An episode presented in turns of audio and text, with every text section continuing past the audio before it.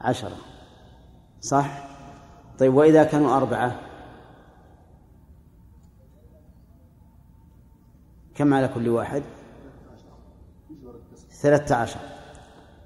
لأن لو قسمنا لكان على كل واحد اثنا عشر يمينا ونصف يمين. النصف لا يمكن. فيجبر الكسر ويكون على كل واحد آه، ثلاثة عشر. طيب. قال فيدفع برمته. الرمة هو الحبل الذي يقاد يقاد به القاتل للقتل.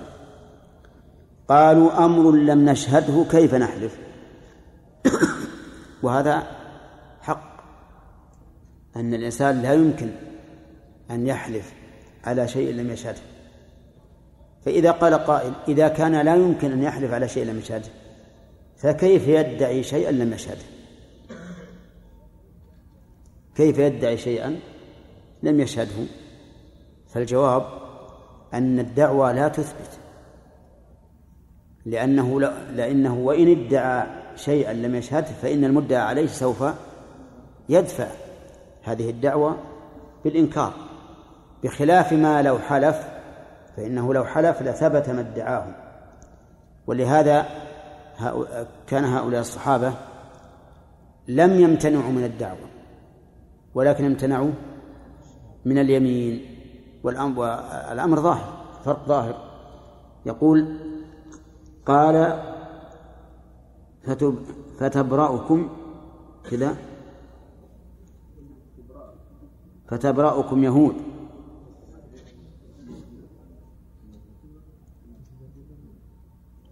فتبرئكم. لكن الظاهر أنها اللفظ ما عندك بالشرح ضبط لها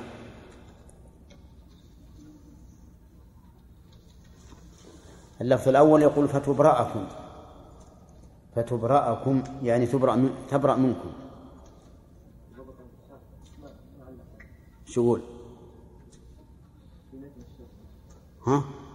قوله فتبرأكم يهود بأيمان خمسين منهم أن يخلصونكم على الأيمان بأن يحلفوا أي إيش؟ أن يخلصونكم نعم عن الأيمان بأن يحلفوا فإذا حلف حلفوا انتهت الخصومة فلم يجب عليهم شيء وخل وخل وخلصتم وخلصتم أنتم من الأيمان. والجمع بين هذه الرواية والرواية التي الأخرى التي فيها تقديم طلب البينة على اليمين حيث قال يأتون بالبينة على من قتله. قالوا ما لنا بينة. كمل نعم. بأن يقال إن الرواية الأخرى مشتملة على على زيادة وهي طلب البينة أولا ثم اليمين ثانيا. ولا وجه لما زعمه بعضهم من كون طلب البينة وهم في الرواية المذكورة لأن النبي صلى الله عليه وسلم من كون طلب البينة وهم في الرواية المذكورة لأن النبي صلى الله عليه وسلم قد علم أن خيبر حينئذ لم يكن بها أحد من المسلمين. قال الحافظ إن, إن, سلم إن سلم أنه لم يسكن مع اليهود أحد من المسلمين في خيبر فقد ثبت في نفس القصة أن جماعة من المسلمين من المسلمين خرجوا يتمارون يمتارون تمرا فيجوز أن يكون طائفة أخرى خرجوا لمثل ذلك ثم قال وقد وجدنا لطلب البينة في هذه القصة شاهدا وذكر حديث عمرو بن شعيب وحديث رافع بن خديج المتقدمين في الباب الأول طيب.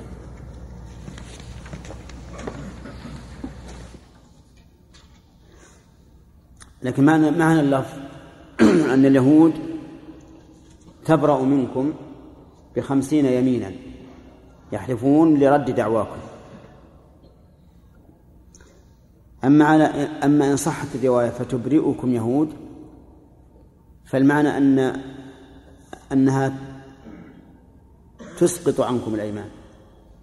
كما يقال أبرأ صاحبه من الدين يعني أسقطه منه. قالوا يا رسول الله قوم كفار. يعني فلا نرضى بأيمانهم. وهو حجة لمن قال لا يقسمون على أكثر من واحد. وهو يعني هذا هذا الحديث بهذا اللفظ حجة لمن قال لا يقسمون على أكثر من واحد. يعني وعلى من قال يقسمون على أكثر من واحد. وجه الحجة أنه قال على رجل منهم على رجل منهم.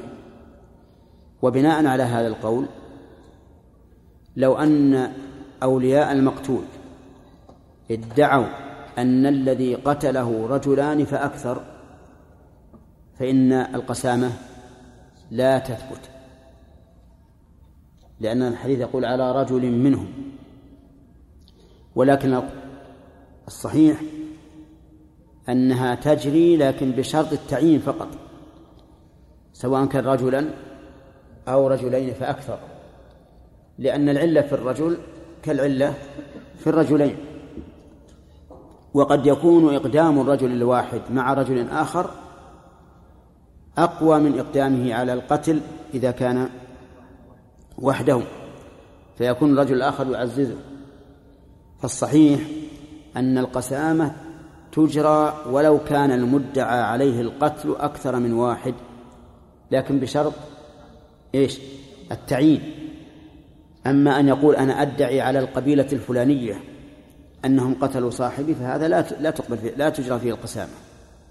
نقول عين عين رجلا أو رجلين أو ثلاثة حتى يمكن إقامة الدعوة. وفي لفظ لأحمد فقال رسول الله صلى الله عليه وسلم تسمون قاتلكم ثم تحلفون عليه خمسين يمينا ثم نسلمه تسمونه يعني تعينونه باسمه. تعينونه باسمه. وهذا بناء على الأغلب. وإلا فيصح أن يعينوه بالإشارة. بأن يمسكوا بواحد يمسكوا بواحد من المدعى مدعى عليه يمسك بواحد مدعى عليه ويقول هذا قتل صاحبنا. فإذا قال القاضي ما اسمه؟ قال والله ما نعرف.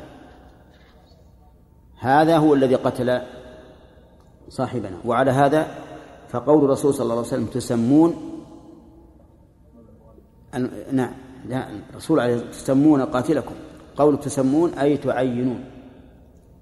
والغالب أن التعيين يكون بالاسم وقد يكون بالإشارة. وفي لفظ لأحمد وفي رواية متفق عليها فقال لهم تأتون بالبينة على من قتله قالوا ما لنا من بينة. قال فيحلفون قالوا لا نرضى بأيمان اليهود. فكره رسول الله صلى الله عليه وسلم أن يبطل دمه فوداه بمئة من إبل الصدقة. وهذه الرواية لا تنافي ما سبق من أن الرسول طلب منهم الأيمان.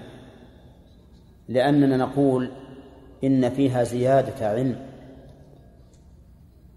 وقد وقد سبق لنا أننا قلنا إذا ادعوا القتل على شخص فيطالبون أولا لا يطالب المدعى عليه أولا بالإقرار إذا أقر ها انتهت القضية. إذا لم يقر قلنا هل لكم بينة؟ إن أتوا ببينة انتهت القضية ولا قسامة. إن لم يأتوا بالبينة فحينئذ تثبت القسامة. ولكن لا تجرى القسامة إلا إذا كان هناك عداوة ظاهرة بين المدعى المدعين والمدعى عليهم كالعداوة التي بين المسلمين واليهود. أما العداوة الشخصية بين رجل وآخر فهذه أيضا لا تجرى القسامة فيها. القول الثاني أن كل قرينة حقيقية فإنها تسوغ القسامة. حطوا بالكم. ولنضرب لهذا مثلا يتبين به الأمر. لو رأينا قتيلا يتشحط في دمه ووجدنا حوله رجلا معه سكين فيها دم وادعى أولياء المقتول أن هذا الرجل قتل صاحبه هل نجري القسامة؟ لا. على المذهب لا نجري القسامة لأنها لا تجري القسامة إلا في العداوة الظاهرة.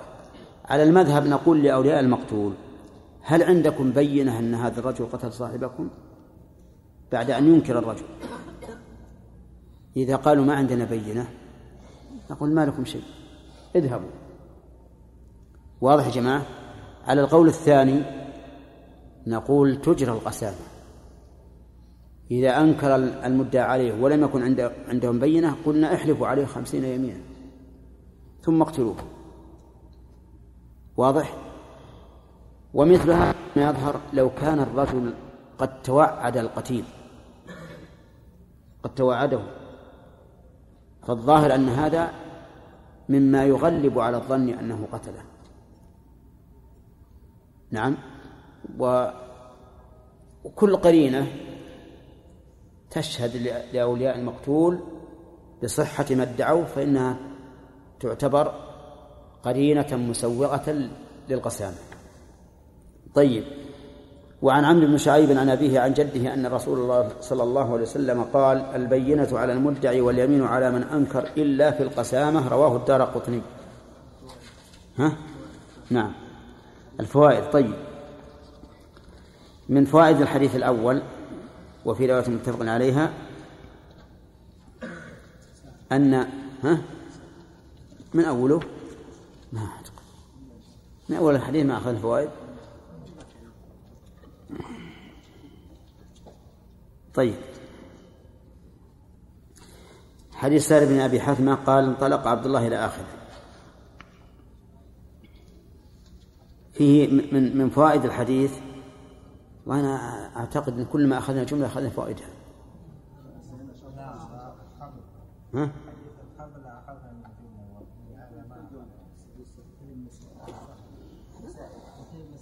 ها؟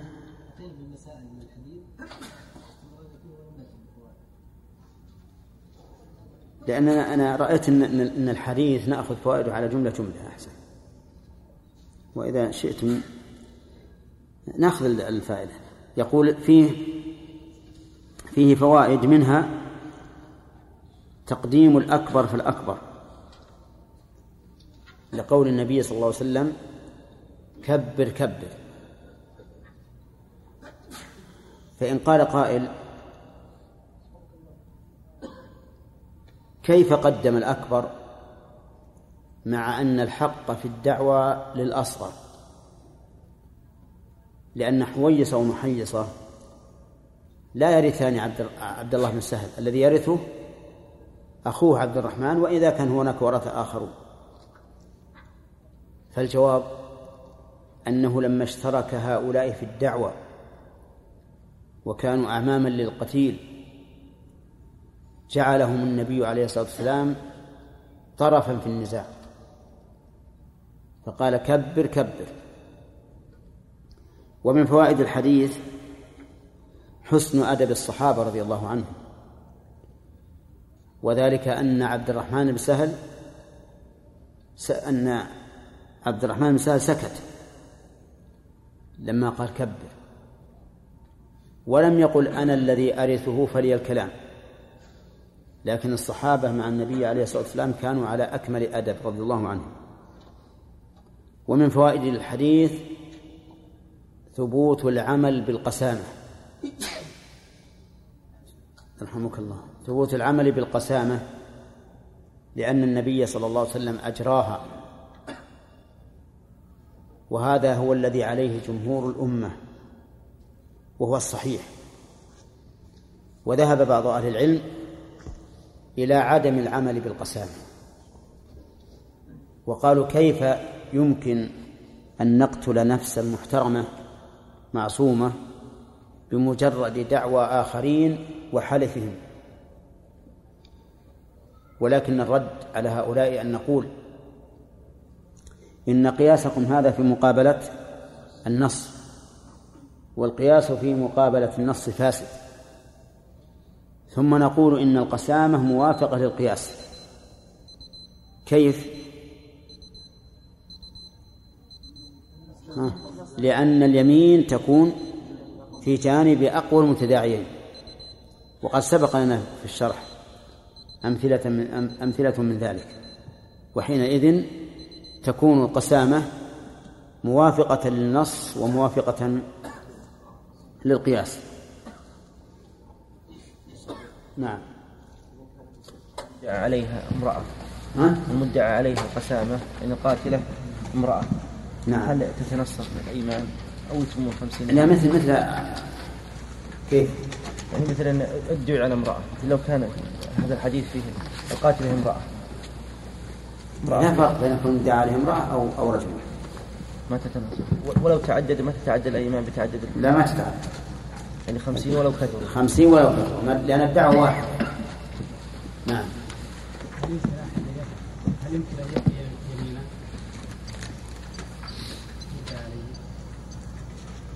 كيف يبدي يمينه؟ يعني ينكر ينكل عن اليمين؟ ينكل عن اليمين يعني؟ نعم أصله إذا إذا لم إذا لم يقسموا ما ما ما ثبت شيء لم يثبت شيء. يعني لو فرض أن الورثة خمس أن الورثة خمسون رجلا أقسموا كلهم إلا واحدا لم تثبت القسامة. نعم. في الجاهلية بعضهم فدى إيش؟ الجاهل حديث فرت على ما كانت عليه في الجاهلية. الجاهلية أحدهم فدى يمينه. نعم. بعيرين إيه. ما يفيد العموم. ما يفيد العموم لا. من حيث الجملة أقرها. من علامات المجاز بل أبرز علامات المجاز صحة نفيه. فأنت لو لو قيل لك رأيت أسدا يحمل حقيبته قلت هذا ليس بأسد صح؟ فنفيته يقول والقرآن ليس فيه شيء يصح أن ينفى فإذا امنع المجاز في القرآن. لكن قال الآخرون إذا منعتم المجاز في القرآن فالقرآن لغته عربية. فامنعوا المجاز أيضا؟ في العربية. امنعوه في العربية نعم بسم الله الرحمن الرحيم الحمد لله والصلاة والسلام على نبينا محمد وعلى آله وصحبه المؤلف رحمه الله تعالى باب هل يستوفى هل يستوفى القصاص والحدود في الحرم أم لا؟ نقل المؤلف رحمه الله تعالى عن أنس رضي الله عنه أن النبي صلى الله عليه وسلم دخل مكة عام الفتح وعلى رأسه المغفر فلما نزعه جاءه رجل فقال ابن خطل متعلق بأستار الكعبة. فقال اقتلوه. وعن أبي هريرة رضي الله عنه قال لما فتح الله على رسوله مكة قام في الناس فحمد الله وأثنى عليه ثم قال إن الله حبس عن مكة الفيل وسلط عليها رسوله والمسلمين وإنها لم تحل لأحد قبلي وإنما أحلت لي ساعة من نهار وإنها لا تحل لأحد بعدي وعن أبي شريح الخزاعي أنه قال لعمرو بن سعيد وهو يبعث البعوث إلى مكة إذا لي أيها الأمير أحدثك قولا قام به رسول الله صلى الله عليه وسلم الغد من يوم الفتح. سمعته أذناي أذناي. أذناي ووعاه قلبي وأبصرته عيناي. حين تكلم به. حمد الله وأثنى عليه. ثم قال إن مكة حرمها الله ولم يحرمها الناس فلا يحل لامرئ يؤمن بالله واليوم الآخر أن يسفك بها دما ولا يعضد بها شجرة. فإن أحد ترخص بقتال رسول الله صلى الله عليه وسلم فيها فقولوا له إن الله قد أذن لرسوله ولم يأذن لكم وإنما أذن لي فيها ساعة من نهار. ثم عادت حرمتها اليوم كحرمتها بالأمس. فليبلغ الشاهد الغائب. فليبلغ فليبلغ الشاهد الغائب. فقيل لأبي شريح ماذا قال لك عم؟ قال أنا أعلم بذاك منك. يا أبا شريح إن الحرم لا يعيد عاصيا ولا فارا بدم ولا فارا بخلبة وعن ابن عباس رضي الله عنهما قال قال رسول الله صلى الله عليه وسلم يوم فتح مكة إن هذا البلد حرام. حرمه الله يوم خلق السماوات والأرض. فهو حرام بحرمة الله إلى يوم القيامة وإنه لم يحل القتال فيه لأحد قبلي ولم يحل لي إلا ساعة من نهار. فهو حرام بحرمة الله إلى يوم القيامة متفق على أربعتهن. وعن عبد الله بن عمرو أن النبي صلى الله عليه وسلم قال إن, إن, أعدى الناس على الله عز وجل من قتل في الحرم أو قتل غير قاتله أو قتل بدخول الجاهلية رواه أحمد. وله من حديث أبي شريح الخزاعي نحوه وقال ابن عمر لو وجدت قاتل عمر في الحرم ما هجته. وقال ابن عباس في الذي يصيب حدا ثم يلجأ إلى الحرم يقام عليه الحد إذا خرج من الحرم. حكاهما أحمد في رواية الأثرم. بسم الله الرحمن الرحيم الحمد لله رب العالمين والصلاة والسلام على نبينا محمد وعلى آله وأصحابه أجمعين. أظن أننا لم نكمل الشرح لما سبق أو الفوائد. نعم. حديث البينة عن المدعي واليمين على ما نعم. واللي بعده؟ طيب.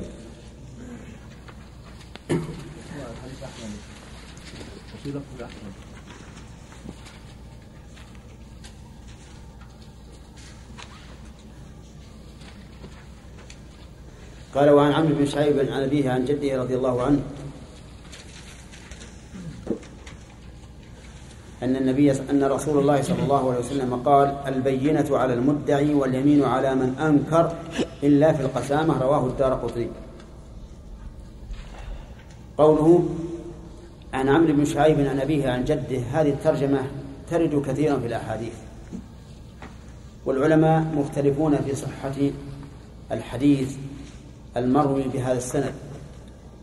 فمنهم من قال إنه لا يصح للانقطاع.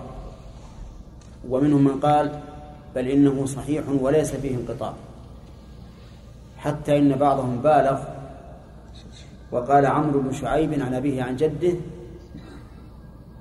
كمالك عن نافع عن ابن عمر وجعله من جملة الأسناد التي يطلق عليها سلسلة الذهب. وبعضهم توسط وقال إن حديثه حسن. ولكن الأصح أن حديثه صحيح لكنه لا يرتقي إلى أن يكون من أصح الأسانيد. إنما ينظر إلى من بعد عنه هل وثق لا؟ وهذا الذي ذهب إليه البخاري رحمه الله وذهب إليه ابن القيم وجماعة من الحفاظ والمحدثين. يقول أن رسول الله صلى الله عليه وسلم قال البينة على المدعي واليمين على من أنكر. البينة على المدعي يعني يطالب بها المدعي وما هي البينة؟ هل البينة تختص بالرجل والمرأتين أو بالرجلين أو بأربعة رجال أو ما أشبه ذلك؟ البينة نقول إن خصصت بمقتضى الشرع فهي مخصصة به لا نعدوه. أي لا نعدو ما خصصه الشرع. فبينة الزنا مثلا أربعة رجال عدول. كما قال الله تبارك وتعالى لولا جاءوا عليه بأربعة شهداء فإذا فإذ لم يأتوا بالشهداء فأولئك عند الله هم الكاذبون. فبينة الزنا هي أعظم البينات لأن الزنا من أعظم الفواحش لما فيه من فساد السمعة وفساد النسل والشك فيه وما أشبه ذلك. فلهذا كان لا بد فيه من أربعة رجال. والحقيقة أن هذه البينة لم يقم بها حد فيما نعلم. فإن شيخ الإسلام ابن تيمية رحمه الله قال لم يقم حد حد الزنا بالبينة من عهد الرسول عليه الصلاة والسلام أي بالشهود الأربعة. لأن الشهود الأربعة لا بد أن يشهد كل واحد على أنه رأى ذكر المرأة الرجل في فرج المرأة وفي زنا واحد في مكان واحد. لا بد من هذا. وهذا شيء متعذر متعسر قطعا لا شك لكن قد يكون متعذرا. لأنه مهما كان الأمر فإن الرجل إذا ركب على المرأة يخفى أن يكون ذكره في في فرجها إلا لمن كان بين فخذي الرجل والمرأة. وهذا لا يمكن. لكن يثبت الزنا بالإقرار بمعنى أن الزاني أو الزانية تقر وهذا كثير. وقد ثبت في عهد النبي صلى الله عليه وسلم بالإقرار ورجم خمسة عليه الصلاة والسلام. طيب. آه، بينة من ادعى إعسارا وهو معروف بالغنى يعني كان غنيا ثم ادعى إعصارا وجعل يسأل الناس. بينته ثلاثة رجال. بينته ثلاثة رجال كما جاءت به السنة. بينة الحدود والقصاص رجلان. بينة الأموال رجلان أو رجل امرأتان أو رجل ويمين المدعي. هناك بينات أخرى غير الشهادة وهي ظواهر الأحوال الأحوال. ظواهر الأحوال بينات. فاللقطة إذا جاء صاحبها ووصفها فهذا بينة يجب أن تدفع إليه. ولا يحتاج أن نقول هات الشهود. لأن مدعي اللقطة ليس له معارض حتى نقول إنه لا بد من شهود. إذ أن الملتقط نفسه لم يدعها بل هو يرى أنها لغيره فإذا جاء هذا الرجل ووصفها علم أنها له.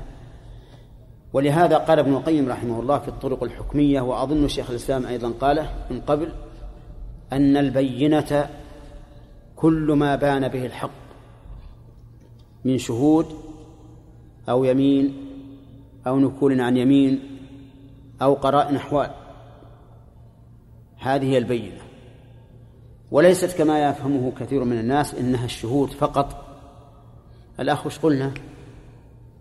الأخ. أي نعم. إيه. كمل الذي قلت؟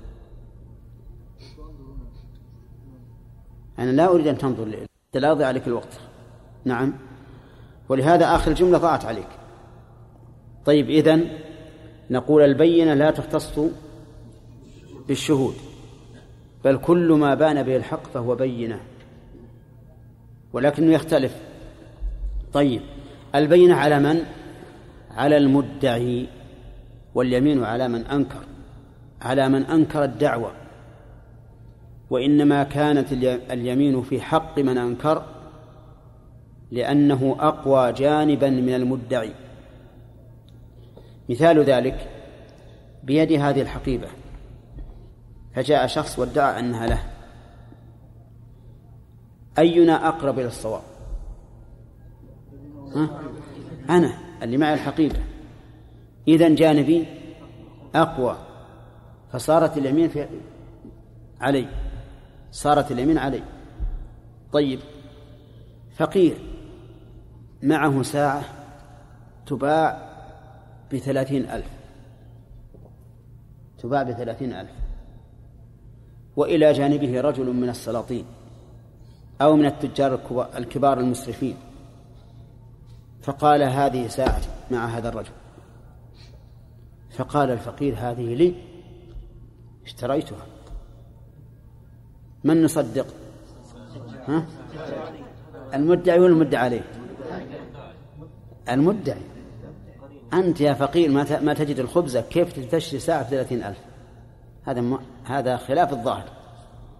فإذا نقول لهذا عليك اليم... عليك البينة. لمن؟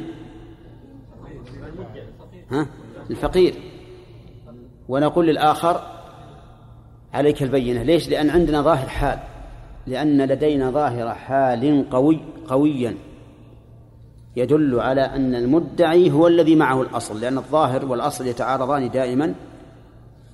وهذه من قواعد ابن رجب رحمه الله. إذا تعارض الأصل والظاهر فإذا ك... فإن كان الظاهر حجة شرعية فهو مقدم. وإلا فإن الأصل مقدم على الظاهر.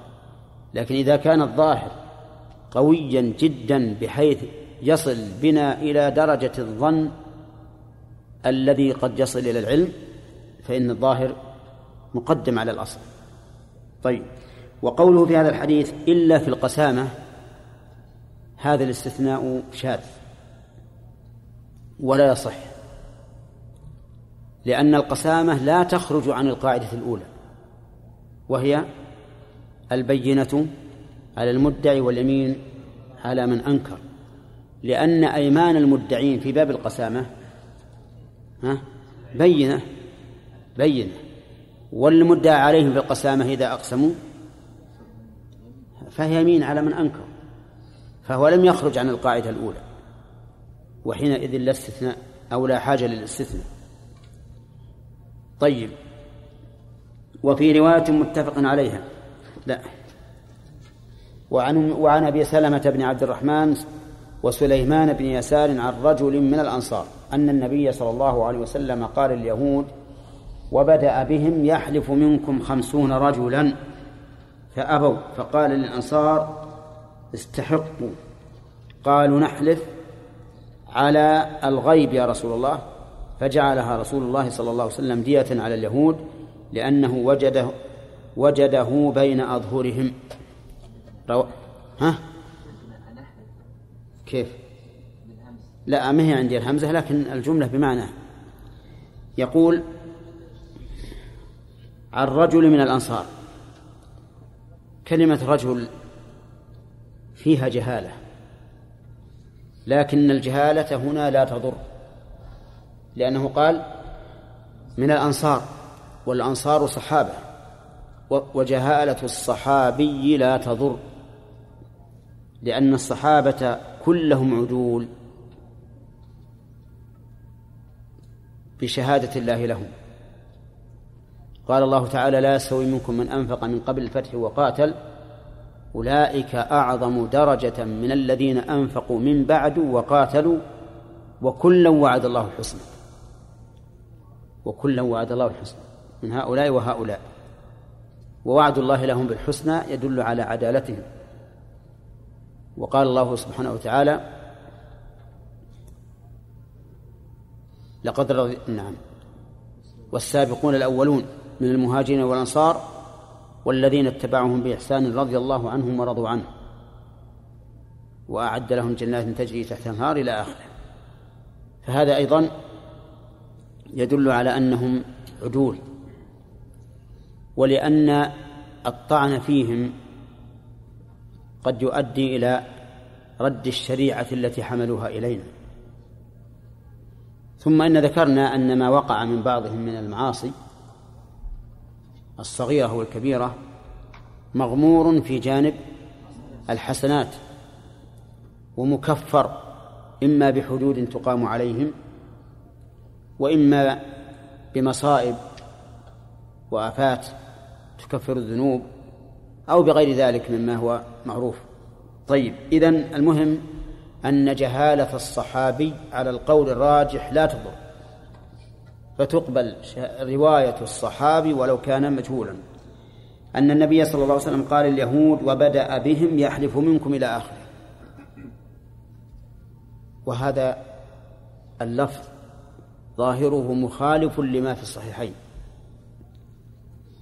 فإن ما في الصحيحين أن الأنصار الذين قتل لهم القتيل قالوا لا نرضى بأيمان اليهود.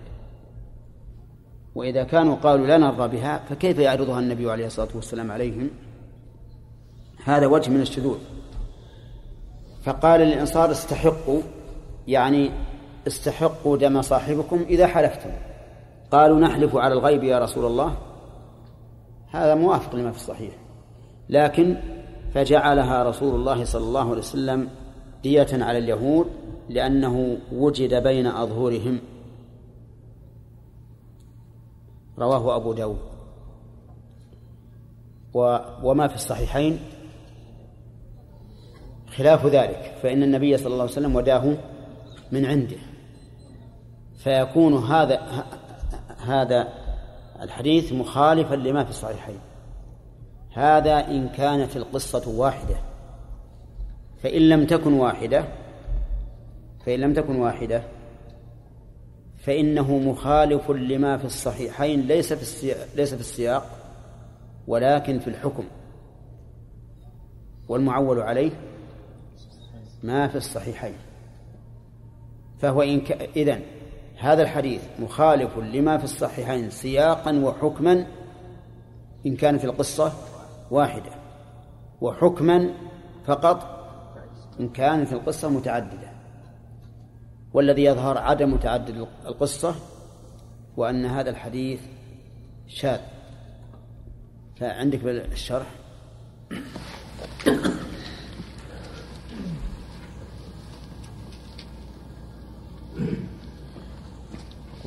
واستدل بالحديث الثاني من قال هذا ذكر حديث ثاني. من قال بإيجاب الدية على من وجد من, من وجد القتيل بين أظهرهم ويعارضه. على من وجد؟ على من وجد القتيل. قبل الشيء وقد استدل بالحديث الأول. وقد استدل بالحديث الأول. لا قبل. تكلم عن السند الحديث الثاني. الحديث الثاني. الحديث أبدأ إيه. سند الحديث. الحديث الأول أخرجه أيضا ابن عبد البر والبيهقي من حديث مسلم بن خالد عن ابن جريج. حديث عمرو بن شعيب. أي أترك هذا يا شيخ. عن عمرو عن عمرو عن عمرو بن شعيب. به قال البخاري إن ابن جريج لم يسمع من عمرو بن شعيب وقد روي عن عمر مرسلا من طريق عبد الرزاق وهو أحفظ من مسلم بن خالد وأوثق. ورواه ابن عدي والدار قطني من حديث عثمان بن محمد بن سالم عن ابن جريج عن عطاء عن أبي هريرة مرفوعا بلفظ الحديث المذكور. قال الحافظ في التلخيص وهو ضعيف. والحديث الثاني الراوي له عن أبي سلمة وسليمان هو الزهري. قال المنذري في مختصر السنن بعد ذكره قال بعضهم وهذا ضعيف لا يلتفت إليه. وقد قيل للإمام الشافعي ما منعك أن تأخذ بحديث ابن شهاب؟ يعني هذا. فقال مرسل والقتيل أنصاري والأنصاريون بالعناية أولى بالعلم به من غيرهم. إذ كان كل ثقة وكل كل كان كل إذ كان كل ثقة وكل عندنا بنعمة الله ثقة. قال البيهقي وأظنه أراد بحديث الزهري ما روي عن معمر عن أبي سلمة وسليمان بن يسار عن رجال من الأنصار وذكر هذا الحديث. رجال؟ الرجال. عندنا رجل. وقد استدل بالحديث الأول على أن أحكام القسامة مخالفة لما عليه سائر القضايا من إيجاب البينة على المدعي واليمين على المدعى عليه فيندفع به ما, أوردوا ما أورده النافون للقسامة من مخالفتها لما عليه سائر الأحكام الشرعية. وقد تقدم تفصيل ذلك واستدل بالحديث الثاني من قال بإيجاب الدية على من وجد القتيل. وتقدم أيضا لنا أنها ليست مخالفة. ولا لا؟ نعم. نعم. لأن القاعدة أن اليمين يشرع في جانب أقوى المتداعين في جانب أقوى المتداعيين وذكرنا أمثلة غير القسامة. فيها أن اليمين في جانب متداعيين من؟ أقوى المتداعيين إيه، في جانب مدعي لقوة جانبه. نعم. واستدل ب... واستدل بالحديث واستدل بالحديث الثاني من قال بإيجاب الدية على من وجد القتيل بين أظهرهم ويعارضه حديث عمرو بن شعيب المتقدم في الباب الأول فإن فيه أنه أعانه بنص الدية ويعارض الجميع ما في المتفق عليه من حديث سهل بن أبي حثمة أن النبي صلى الله عليه وسلم عقله من عنده فإن أمكن الجمع حمل ذلك على قصص متعددة فلا إشكال وإن لم يمكن وكان المخرج متحدا فالمصير إلى ما في الصحيحين هو المتعين ولا سيما مع ما في حديث أبي سلمة المذكور في الباب وحديث عمرو بن شعيب المذكور في الباب من الحكم بالدية بدون أيمان. قوله فقال الأنصار استحق. نعم. قال في القاموس استحقه استوجبه انتهى. والمراد ها هنا أن النبي صلى الله عليه وسلم أمر الأنصار بأن يستوجبوا الحق الذي يدعونه على اليهود بأيمانهم فأجابوا بأنهم لا يحلفون على الغيب. على كل حال نحن نقول كما قلنا أولا هذه هذا الحديث إن كان في قضية واحدة. ها. فهو شاذ في السياق والحكم. وإذا كان في قضية أخرى نعم فهو مخالف في الحكم والمعول على ما في الصحيحين. نعم. ثم قال المؤلف رحمه الله تعالى ها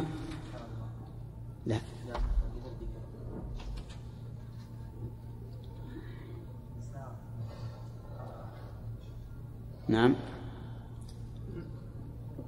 على كل حال ناخذ الفوائد عشان يمكن ساعة نقدم شوي. يقول في الحديث الأول حديث عمرو بن شعيب بيان كمال الشريعة في حفظ الحقوق وذلك بإعطاء هذه القاعدة العامة الشاملة في الدعاوى أن البينة على المدعي واليمين على من أنكر. ومن فوائد الحديث أن المعتبر في الشريعة الإسلامية الأوصاف لا الأعيان. فلم يقل الرسول عليه الصلاة والسلام البينة على من كان فاسقا أو على من كان أضعف أمانة أو ما أشبه ذلك. وذلك لأنه لو علق الحكم بهذا لأصبحت الأمور فوضى. كل قاض يقول هذا أوثق من هذا فأحكم له. فإذا جعل فإذا جعل المناط يعني مناط الحكم على الدعوة انضبط. فالمدعي عليه البينة ولو كان من أعدل الناس والمدعي عليه من أفسق الناس. ومن فوائد هذا الحديث أن اليمين تكون على المنكر المنكر للدعوة وذلك لأن الأصل معه ففيه إشارة إلى البناء على الأصل وفيه جعل اليمين على المنكر دون أن نقول هي لك بدون يمين حفظ للحقوق. فنعود إلى الفائدة الأولى وهي حفظ الشريعة للحقوق لأننا لو أعطينا المنكر أو أبقينا ما في يده له بدون يمين فربما تضيع الحقوق. فالحقوق لها فائدة. اليمين لها فائدة وهي أنها تحبس المنكر من أن يحلف على شيء باطل. فإن قال قائل فإن قال قائل إذا لم يكن للبي للمدعي بينة وأبى المنكر أن يحلف فهل يقضى عليه بالنكول؟ بدون أن ترد اليمين إلى المدعي أو يقضى عليه بالنكول بعد أن ترد اليمين على المدعي. نعم مثال ذلك. ادعى الأول على الثاني. ادعى الأول على الثاني مائة ريال. فقلنا للثاني أتقر بذلك؟ قال لا. ماذا ماذا نقول بعد هذا؟ نقول للأول هل لك بينة؟ قال لا. قلنا لك اليمين على الثاني فقلنا للثاني احلف. قال لا أحلف هو الذي يأتي بالبينة. أما أنا فلا أحلف لأني بريء. حينئذ هل نقول للأول احلف على صدق ما ادعيت ثم نحكم على الثاني؟ أو نقول للثاني أو نحكم على الثاني دون أن نقول للأول احلف. في هذا خلاف بين أهل العلم. فمنهم من قال إن الثاني إذا نكل عن اليمين قضي عليه بالنكول وذلك لأن نكوله يدل على صدق المدعي لأنه لو كان بريئا حقا لم يضره اليمين لحلف لأن اليمين لا يضره اليمين على الصدق لا تضر فلما امتنع من اليمين مع أنها لا تضره علم أن المدعي أن المدعي وهو الأول في المثال الذي ذكرنا إيش؟ صادق. وقال بعض العلماء بل إذا نكل الثاني في المثال وهو المدعى عليه فإن جانب الأول وهو المدعي يقوى. وحينئذ تشرع إيش؟ تشرع اليمين. تشرع اليمين. فنقول للأول في المثال الذي ذكرنا احلف أن أن لك عليه مائة ريال ونحكم لك بها. ولو قيل إنه يرجع إلى اجتهاد القاضي في هذه المسألة لكان له وجه. وكيف يرجع إلى اجتهاده؟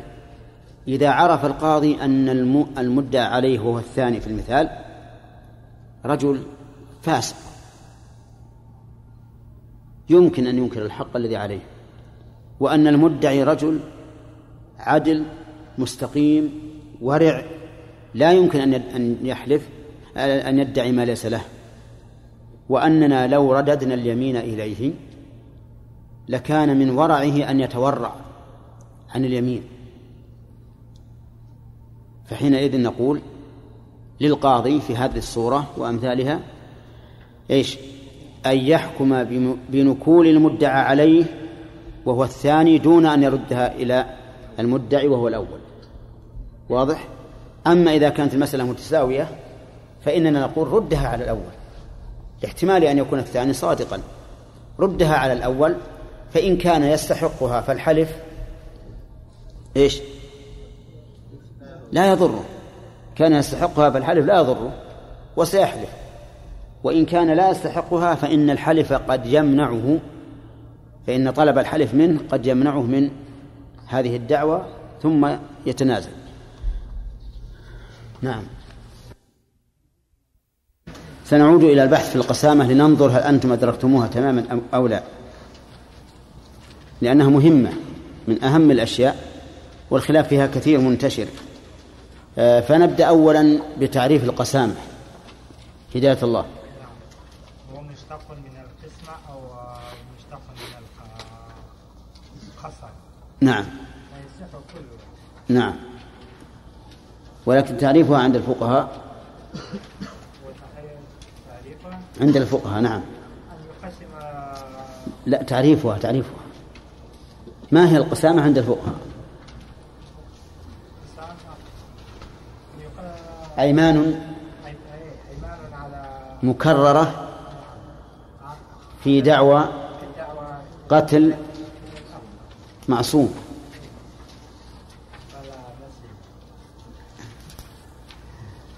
طيب. أعد التعريف. نعم. نعم. أيمان مكررة في دعوى قتل معصوم طيب.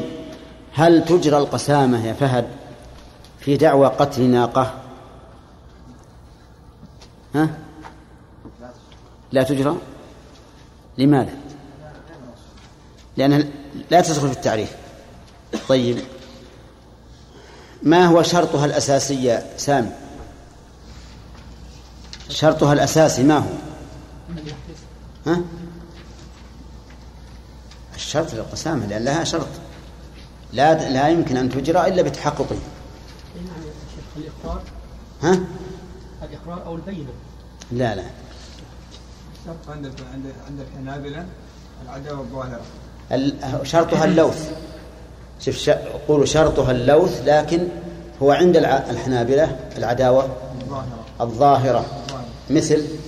مثل عداوة المسلمين والكفار أي نعم. أو قبيلة وقبيلة أخرى تمام. طيب. القول الثاني في اللوث أنه أحمد.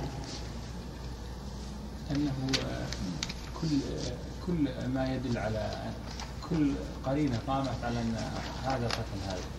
يعني كل قرينة توجب غلبة الظن في وقوع القتل أو في صدور القتل. نعم. كذا؟ نعم. طيب هذا هو. هذا هذا هو الصحيح. إذا وقعت إذا وقعت المحاكمة في القسامة فماذا نعمل؟ أولا نسأل القاتل هل قتل؟ المدعى عليه ما نقول قاتل إلى الآن ما صح. أنه قاتل المدعى عليه نعم. نطلب الإقرار منه.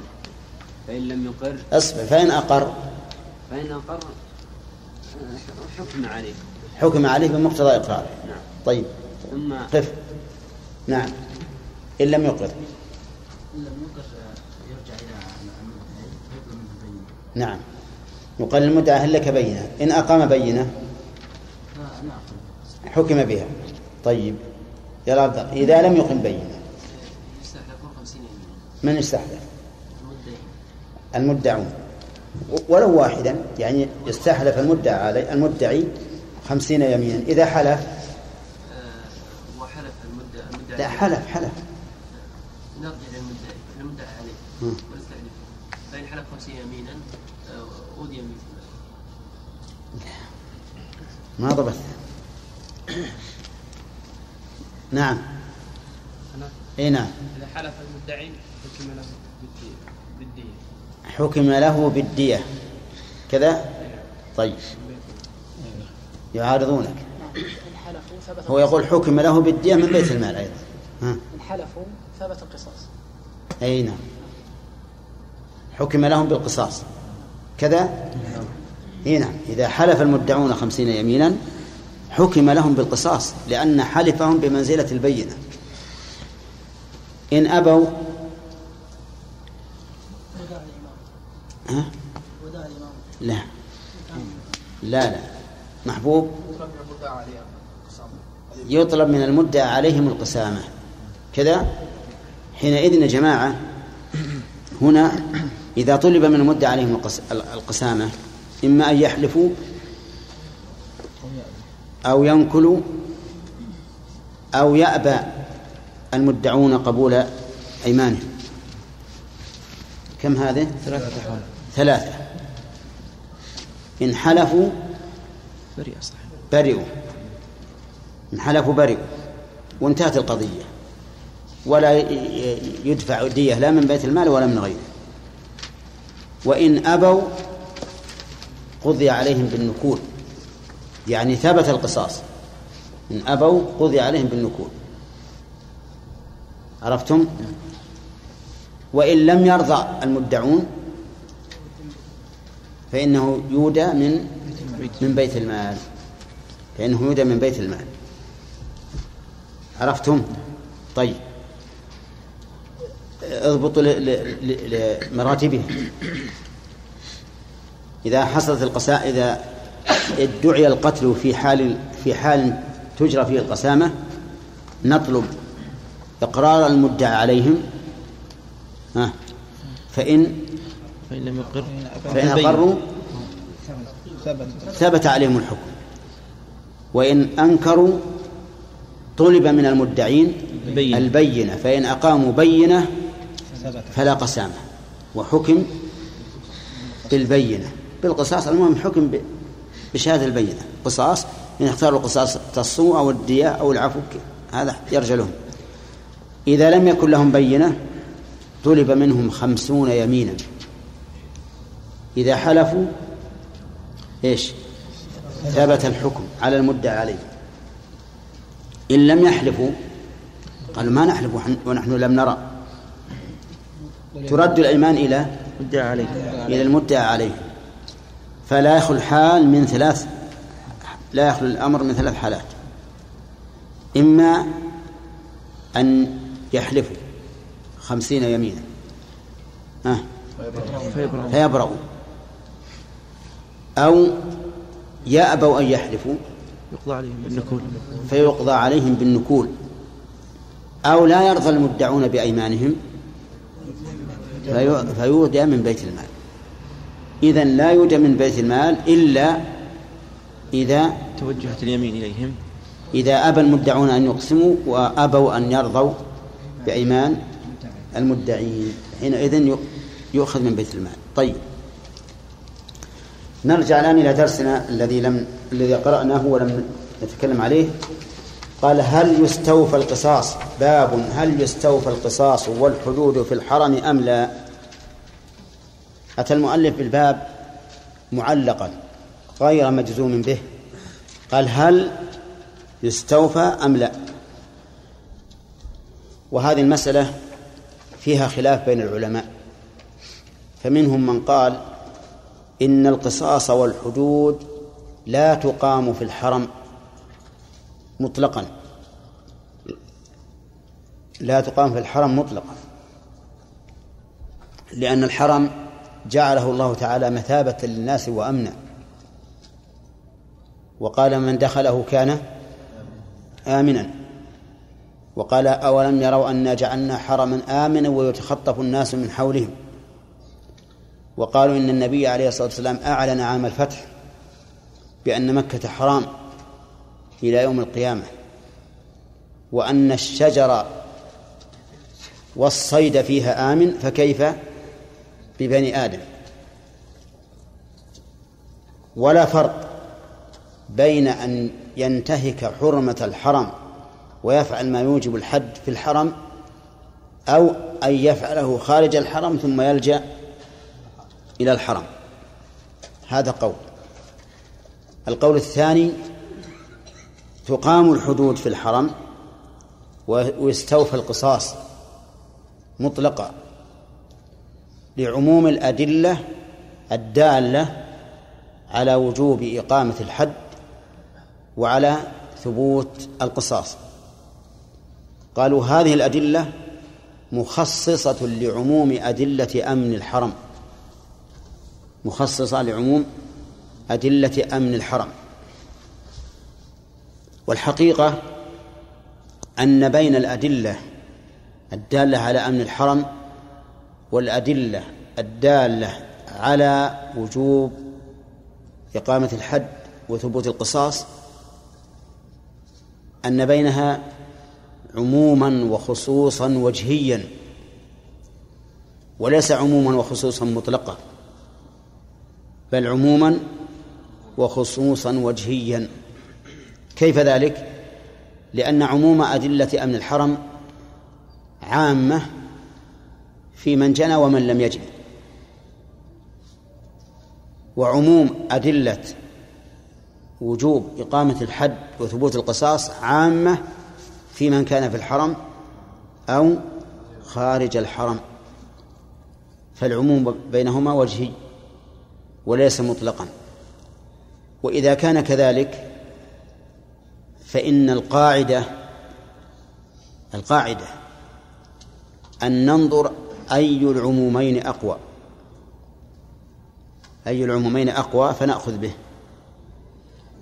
فإذا رجعنا إلى هذه القاعدة نتج منها القول الثالث الذي هو الراجح. وهو أنه إن فعل ما يقتضي إقامة الحد أو ثبوت القصاص في الحرم وجب أن يقام الحد وأن يقتص من الجانب لأنه انتهك حرمة الحرم. أما إذا فعل الشيء خارج الحرم فإنه قد دخل إلى الحرم بريئا من من انتهاك الحرم. وحينئذ نحترمه. نحترمه لأنه لم ينتهك الحرم ولكن مع ذلك ماذا نصنع إذا احترمناه؟ هل يبقى الحد معطلا؟ أو نقول إذا زنى خارج الحرم ثم جاء, ثم جاء إلى الحرم وأمن به يزني ويفسد أهل الحرم أيضا. لا. لكننا نضيق عليه. نضيق عليه فلا نواكله ولا نشاربه ولا نبيع عليه شيئا ولا نكلمه.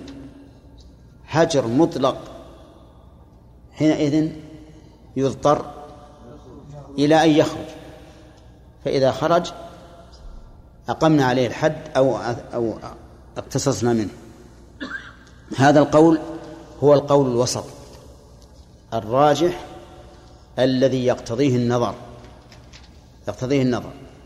لأن لأنه إذا فعل ما يوجب الحد أو ما يثبت القصاص في الحرم فقد انتهك حرمة الحرم فكان هو لا حرمة له. هو الذي أهدر, أهدر حرمة نفسه. أما إذا كان خارجا ثم لجأ إلى الحرم فإن الحرم يجيره. الحرم يجيره. وليس أهل الجاهلية أشد احتراما للحرم من أهل الإسلام. كانوا في الجاهلية يرى الرجل قاتل أبيه في الحرم ولا يقتله لأنه لأنهم يحترمونه. فصارت المسألة هذه فيها كم قولا؟ فيها ثلاثة أقوال أرجحها وأصحها. إيه، التفصيل أو التفريق. بين من انتهك حرمة الحرم بفعل ما يوجب الحد أو القصاص ومن لم يكن كذلك. ثم قال المؤلف رحمه الله عن أنس أن النبي صلى الله عليه وسلم دخل مكة عام الفتح وعلى رأسه المغفر فلما نزعه جاءه رجل فقال ابن خطل متعلق بأستار الكعبة. فقال اقتلوه. نعم. يقول أنس إن النبي صلى دخل مكة عام الفتح ونحن نسأل متى كان عام الفتح؟ لا اللي وراك.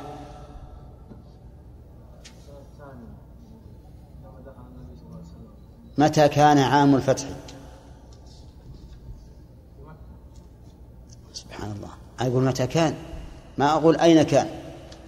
متى للزمن وليست المكان.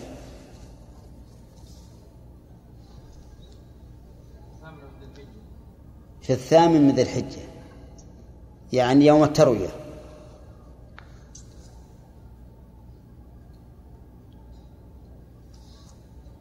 ما عندك علم غير هذا؟ الله يهديك. المغازي الكبار هذه ينبغي أن يعرفها طالب العلم. مشكلة إذا كان بيسأل واحد طالب علم يقول متى كانت غزوة الفتح؟ أو متى كان فتح مكة؟ يقول في الثامن من ذي الحجة. ما هو؟ ليس جيدا. عبد القادر.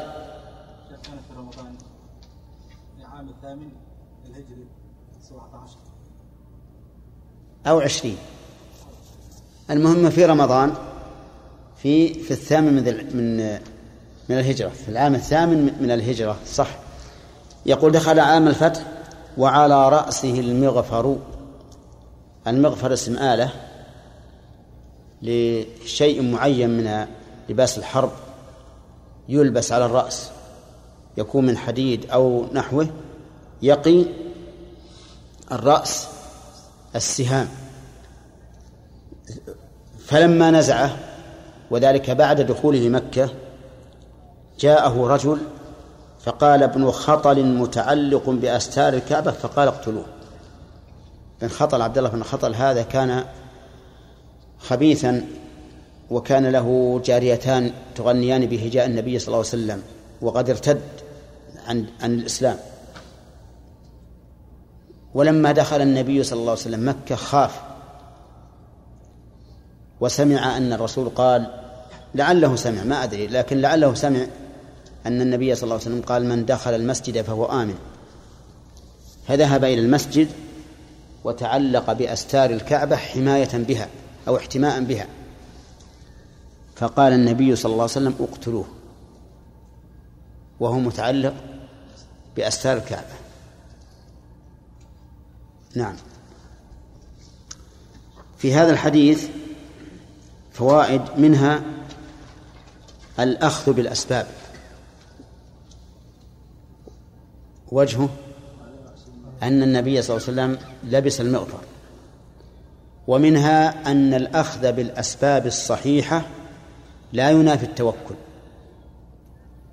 لأن النبي صلى الله عليه وسلم أخذ بها وهو سيد المتوكلين عليه الصلاة والسلام طيب ومنها جواز العمل بخبر الواحد إذا غلب على الظن صدقه ها؟ لأن الرسول صلى الله عليه وسلم أخذ بقول الرجل. أخذ بقول الرجل. ومنها ما ذهب إليه بعض العلماء من أن الأصل في المسلمين العدالة. وتأملوا هذه الفائدة. أقول ما ذهب إليه بعض العلماء من أن الأصل في المسلمين العدالة حتى يقوم دليل على الجرح. ولكن هذا هذه الفائدة لا تستقيم. وذلك لأن الصحابة عدول وعدالة الصحابة لا تستلزم أن يكون كل المسلمين عدولا ولو ولو من بعد الصحابة. وعلى هذا فتعتبر هذه الفائدة غير صحيحة. ومن فوائد هذه الآية هذا الحديث أنه كان من المعهود عندهم أن من دخل المسجد الحرام فإنه يأمن. وذلك لفعل ابن خطل. ومن فوائد هذا الحديث أن الكعبة ذات أستار في عهد الرسول عليه الصلاة والسلام. وعلى هذا فيكون هذا الإقرار من النبي من النبي صلى الله عليه وسلم مستثنى من قوله ما أمرنا أن نكسو الحجارة والطين.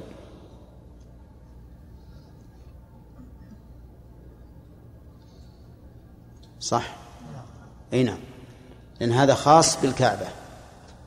أما غير الكعبة فإنها لا تكسى لما في ذلك من إضاعة المال.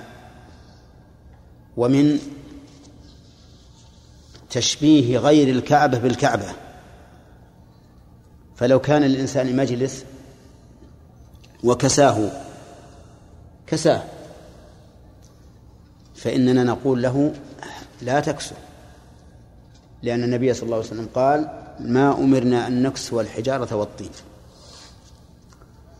وأما وضع الستائر في داخل المنزل فلا يدخل في هذا. لأن الكس الكسوة تكون على ظاهر البدن. فالذي نهي الذي الذي دل الحديث على النهي عنه إنما هو كسوة الحجارة والطين من الظاهر لأن ذلك إضاعة مال. وفيه أيضا أن أن الإنسان يشبه بيته ببيت الله عز وجل. وأما من الداخل فلا يدخل في الحديث أصلا. لا يدخل في الحديث أصلا. ثم إن دخل في الحديث إن أراد أحد أن يقول إنه داخل في الحديث فإن فإنه إذا كان لحاجة كحجب الضوء مثلا أو تلطيف البرودة في الشتاء والحرارة في الصيف فإن هذا لا بأس به لأنه لحاجة. ومن فوائد هذا الحديث جواز إقامة الحد في الحرم. جواز إقامة الحد في الحرم. من أين يؤخذ؟ من أمر النبي صلى الله عليه وسلم بقتل عبد الله بن خطل. ولكن في هذا نظرا. لأن ابن خطل كان مرتدا. كان مرتدا وقتل المرتد ليس حدا لأن الحد لا يسقط بالتوبة إذا بلغ السلطان. والردة إذا تاب صاحبها بعد بلوغها السلطان فإنه يرتفع عنه القتل. فإدخال قتل المرتد خطأ. ولكن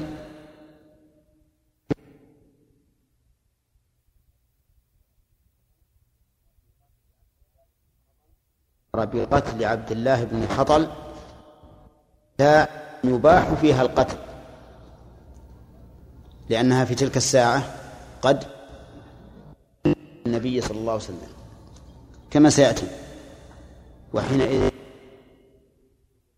المدعى وهو إقامة في الحرم.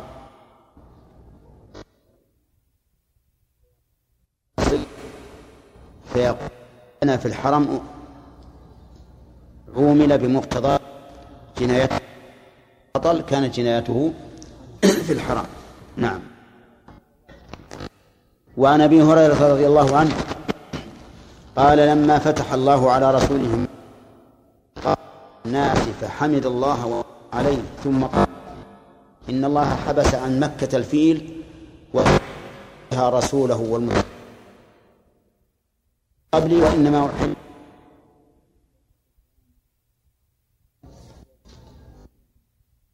عليه الصلاة والسلام حريصا على إبلاغ الدعوة.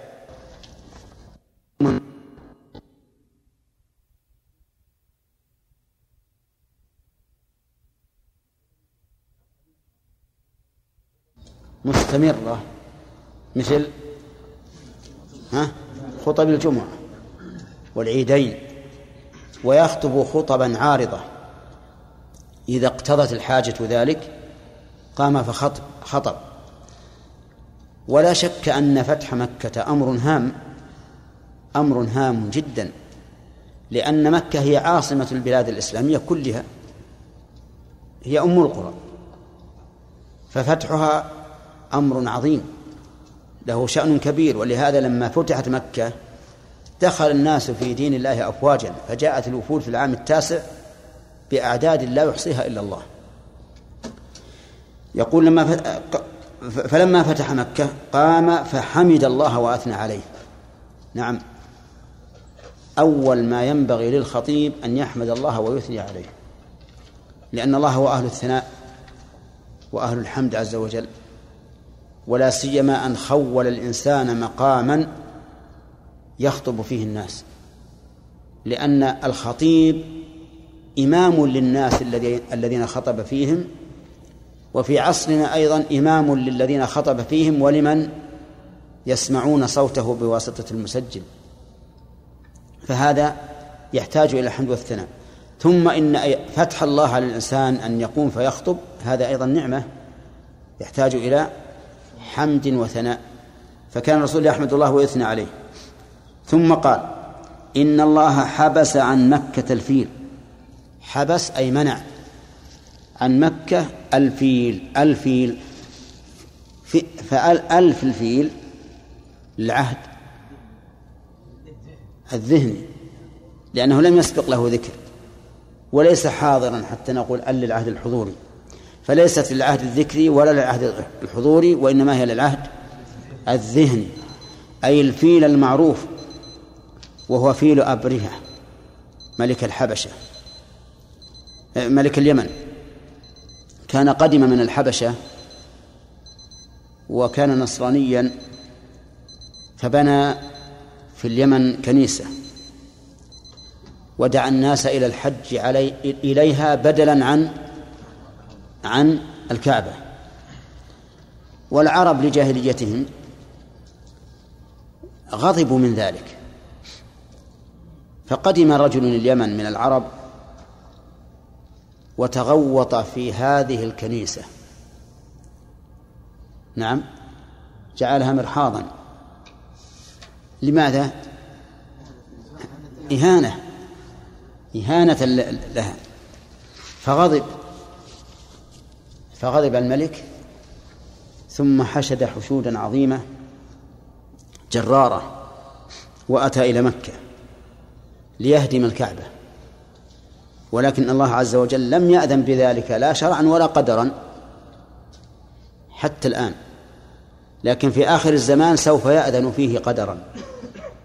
فإنه في آخر الزمان يسلط رجل من الحبشة وصفه النبي عليه الصلاة والسلام بأنه ذو سويق ذو سويقتين أي له ساقان ضعيفتان فينقضها حجرا حجرا.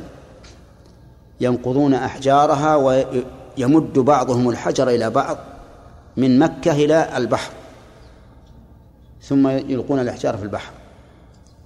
ولا أحد يقدر يرده أبدا لأن الله قد أذن قدرا أن يفعل. المهم قدم بجيش كبير جدا يتقدمهم هذا الفيل العظيم. ولعل الفيل قد مرن على مهاجمة الأشياء الشاقة. ونزل في المغمس قريبا من مكة وخرج إليه عبد المطلب. وكان عبد المطلب سيد قومه وكان ذا هيئة حسنة وهيبة. فلما جاء إلى قائد الجيش وتكلم معه ظن صاحب الجيش القائد هذا أنه سيتكلم معه في موضوع هدم الكعبة. لكن عبد المطلب تكلم معه في إبل أخذت له. وهو رجل ذو هيئة وشريف وسيد قومه فتعجب الرجل. كيف يخاطبني ويفهمني في في إبل أخذت له وأنا وأنا قد أتيت لأهدم الكعبة شرفهم. هي شرفهم. فقال له كنت أظن أن أن تكلمني في أمر الكعبة. قال أنا صاحب الإبل وللبيت رب سيحميه. سبحان الله. إيمان يقين. إيمان ويقين وهو كافر. نعم. فتعجب الرجل. وفعلا حماه الله. يعني لو قام أهل مكة كلهم يريدون أن يصدوا هذا الجيش ما استطاعوا لكن حماه الله. وسبحان الذي أعطى كل شيء خلقه ثم هدى. كان الفيل إذا وجه إلى مكة برك. وإذا وجه إلى اليمن أسرع. وهو, وهو بهيمة. نعم. فحمى الله البيت وأرسل عليهم طيرا أبابيل جماعات من الطيور فرمتهم ترميهم بحجارة من سجيل فكانت الحجارة تضرب الرجل من رأسه وتخرج من دبره حتى كانوا كعصف مأكول كالزرع إذا أكلته البهائم. حطاما هذا هذا الذي أشار إليه النبي عليه الصلاة والسلام. حبس عن مكة الفيل ولكن سلط عليها رسوله والمؤمنين. سلط عليها رسوله والمؤمنين للحكمة البالغة. أصحاب الفيل جاءوا لإهانة الكعبة. والنبي عليه الصلاة والسلام جاء لتعظيم الكعبة.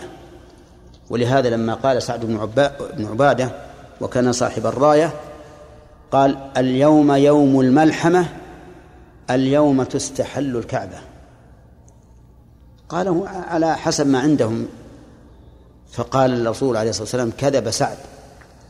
اليوم تعظم الكعبة. لماذا؟ لأنها تطهر من الشرك والأوثان وهذا أعظم تعظيم لها. تعظيم الكعبة ليس بتجميل بنائها. تجميل بنائها هذا تعظيم حسي. كل يقدر عليه. لكن تعظيم الكعبة حمايتها من الكفر والفسوق. تعظيم الكعبة أن تحمى من الكفر والفسوق. وأما أن يكون ما حولها فسوق ومعاصي وما حولها شرك يدعى فيه غير يدعى به غير الله فهذا ليس من تعظيم الكعبة.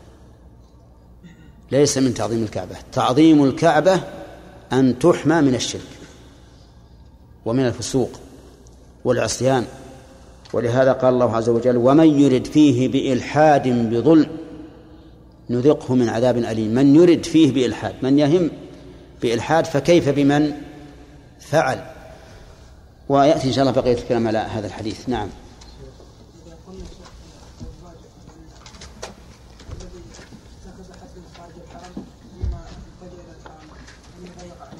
نعم.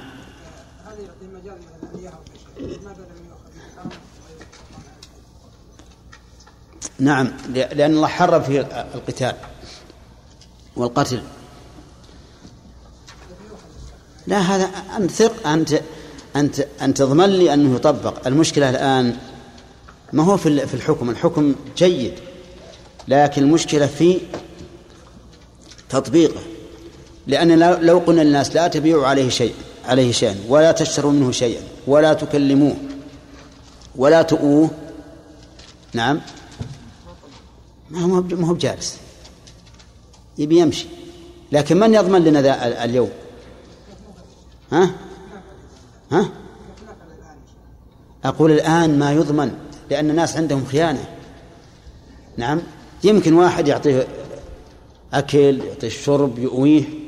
الناس الآن ما عندهم أمانة.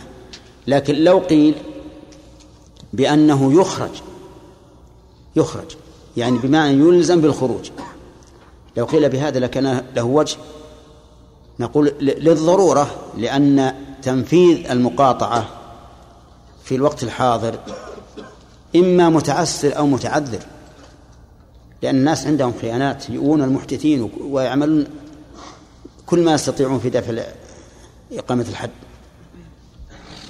نعم. برك وأبى. وإذا وجهه إلى اليمن أسرع وهرول. وسلط عليها رسوله والمسلمين. سلط أي جعل لهم السلطة عليها. وأباحها لهم. حتى غزاها النبي صلى الله عليه وسلم. ودخلها. فاتحا لها مذلا لأهلها. حتى إنه أعطاهم الأمان على أنفسهم ولولا ذلك الأمان لحصدهم عليه الصلاة والسلام. وهذا تسليط لا شك. ولكن حكمة الله عز وجل لا تفرق بين المتماثلين. فحبس الفيل لأن أصحاب الفيل يريدون انتهاك الكعبة. وإذلال أهلها بغير شرع الله. وأما الرسول صلى الله عليه وسلم فإنما أراد إيش؟ تعظيم الكعبة. تعظيم الكعبة. ولهذا لما حصل له مراده صلوات الله وسلامه عليه أمسك عن إذلال أهلها. فلم يأسرهم بل قال فيما يروى عنه اذهبوا فأنتم الطلقاء. فحصل الفرق. قال عليه الصلاة والسلام وإنها لم تحل لأحد قبلي وإنما أحلت لي ساعة من نهار وإنها لا تحل لأحد بعدي. الله أكبر. لم تحل مكة لأحد قبل الرسول عليه الصلاة والسلام. أي لم يؤذن لأحد من الأنبياء وأتباعهم أن يغزوا مكة.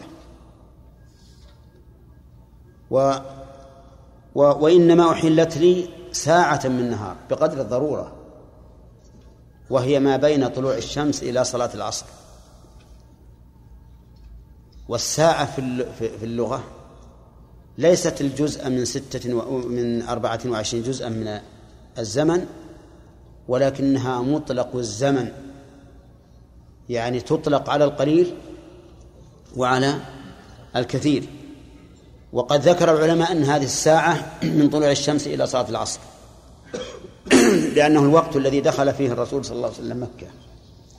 ساعة من نهار بقدر الضرورة.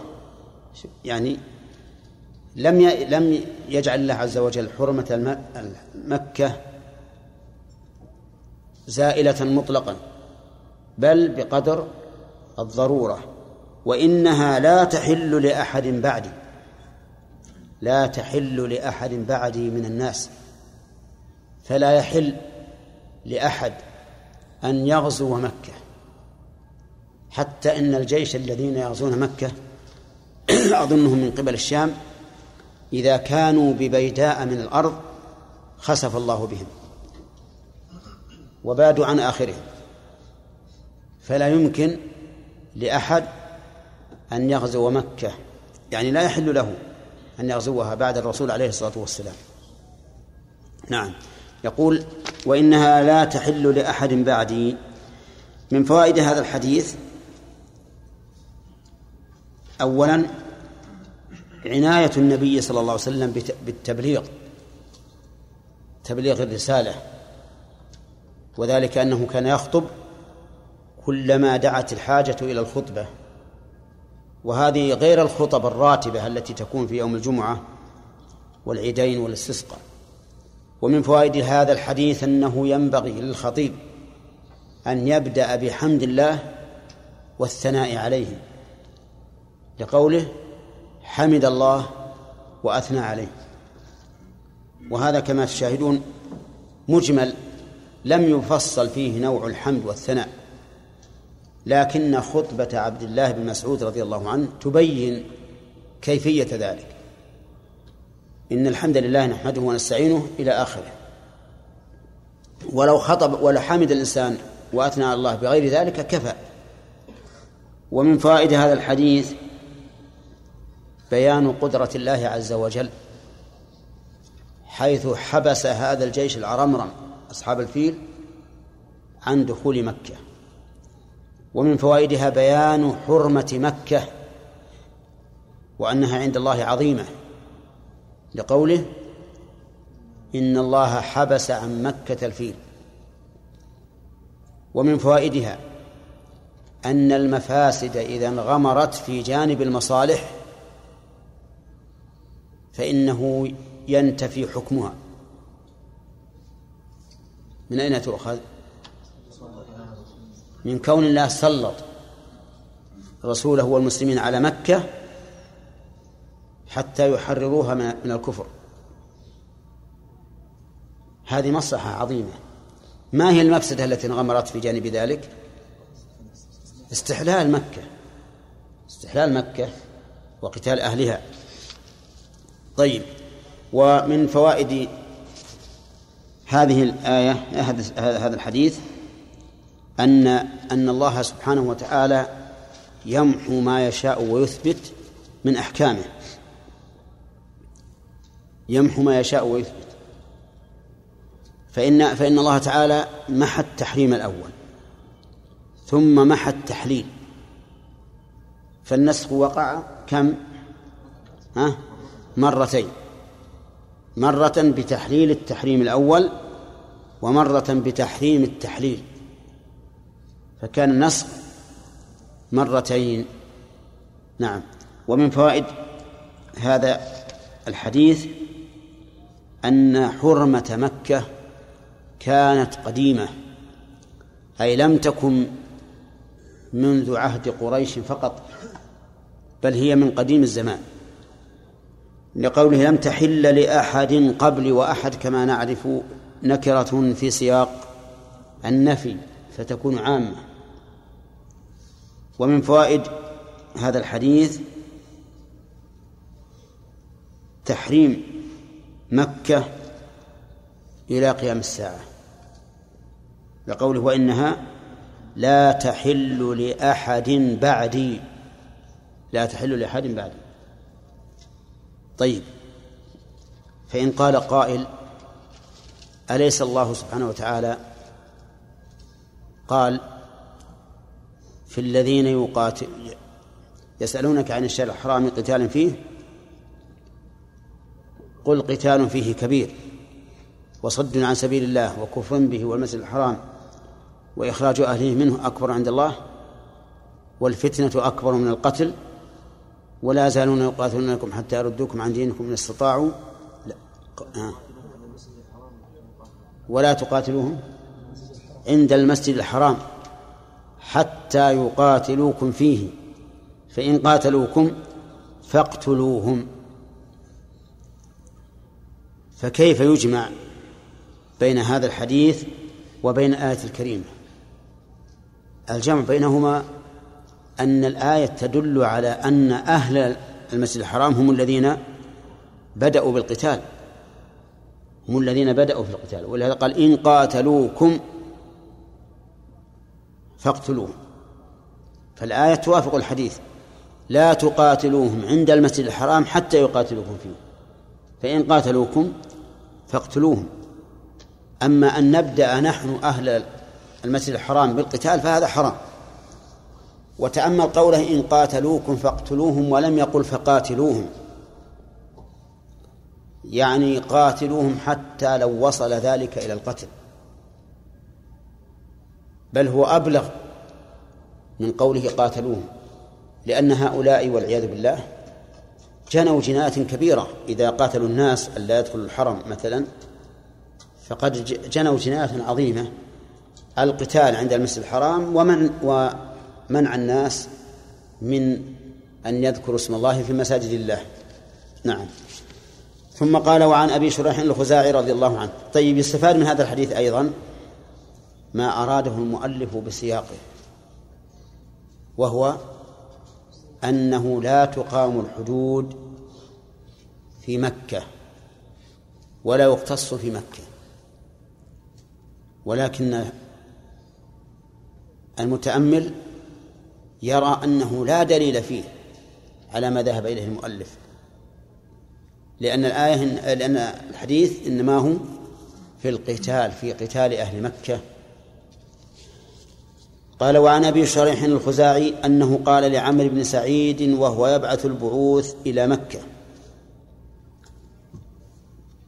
هذا والله يزيد بن معاوية أميرا على المدينة.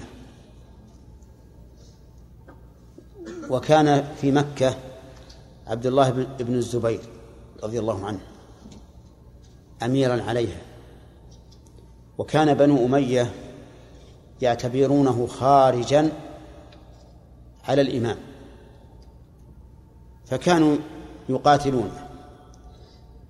من جملتها من جملة من يرسل المقاتلين عمرو بن سعيد الأشتق وهو يبعث البعوث إلى مكة. قال له أبو شريح إذن لي أيها الأمير أحدثك قولا قام به رسول الله صلى الله عليه وسلم الغد من يوم الفتح. الغد يعني يعني الصباح من يوم الفتح. سمعته أذناي ووعاه قلبي وأبصرته عيناي حين تكلم به حين تكلم به. قال هذه الجمل رضي الله عنه تأكيدا لما سمع. يقول سمعته أذناي فلم ينقل إلي نقلا. ووعاه قلبي فلم أنس منه شيئا. وأبصرته عيناي حين تكلم به فلم أسمعه من وراء حجاب. ومعلوم أن مشاهدة المتكلم يتكلم أوعى لكلامه مما إذا سمعه من وراء حجاب. وزنوا ذلك أنتم بما إذا سمعتم تسجيلا لشخص. أو شاهدتموه يتكلم بما سجل. أيهما أبلغ تأثيرا؟ ها؟ الثاني لا شك. فهذه الجمل الثلاث أراد بها أبو شريح رضي الله عنه أن يؤكد الأمر تماما. يقول حمد الله وأثنى عليه. من الحامد؟ الرسول صلوات الله وسلامه عليه لأنه خطب وكان يبدأ خطبه بحمد الله والثناء عليه. ثم قال إن مكة حرمها الله ولم يحرمها الناس. اللهم صل وسلم عليه. يعني ليس تحريمها تحريم قانون بشري لكنه تحريم شرع إلهي. الذي حرمها هو الله عز وجل وليس الناس.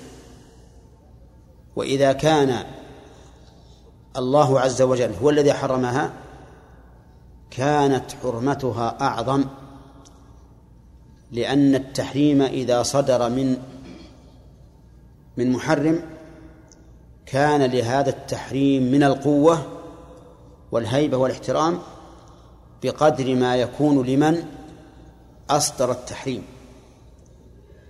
فهذا هو السر في أن الرسول صلى الله, صلى الله عليه وسلم قال إن الله هو الذي حرمها ولم يحرمها الناس.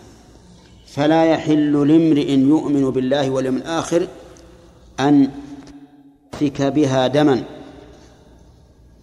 لا يحل أن يسفك أن يسفك هذه مصدر فاعل. يعني أن مؤول بالمصدر أن والفعل بعدها مؤول بالمصدر فاعل. أي فلا يحل سفك دم. وقول لامرئ يؤمن بالله واليوم الآخر. لامرئ عام ذكر أو أنثى يؤمن بالله واليوم الآخر.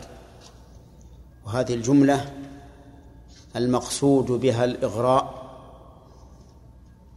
على تجنب سفك الدم. لأن المؤمن يحميه إيمانه من أن يتجرأ على محارم الله.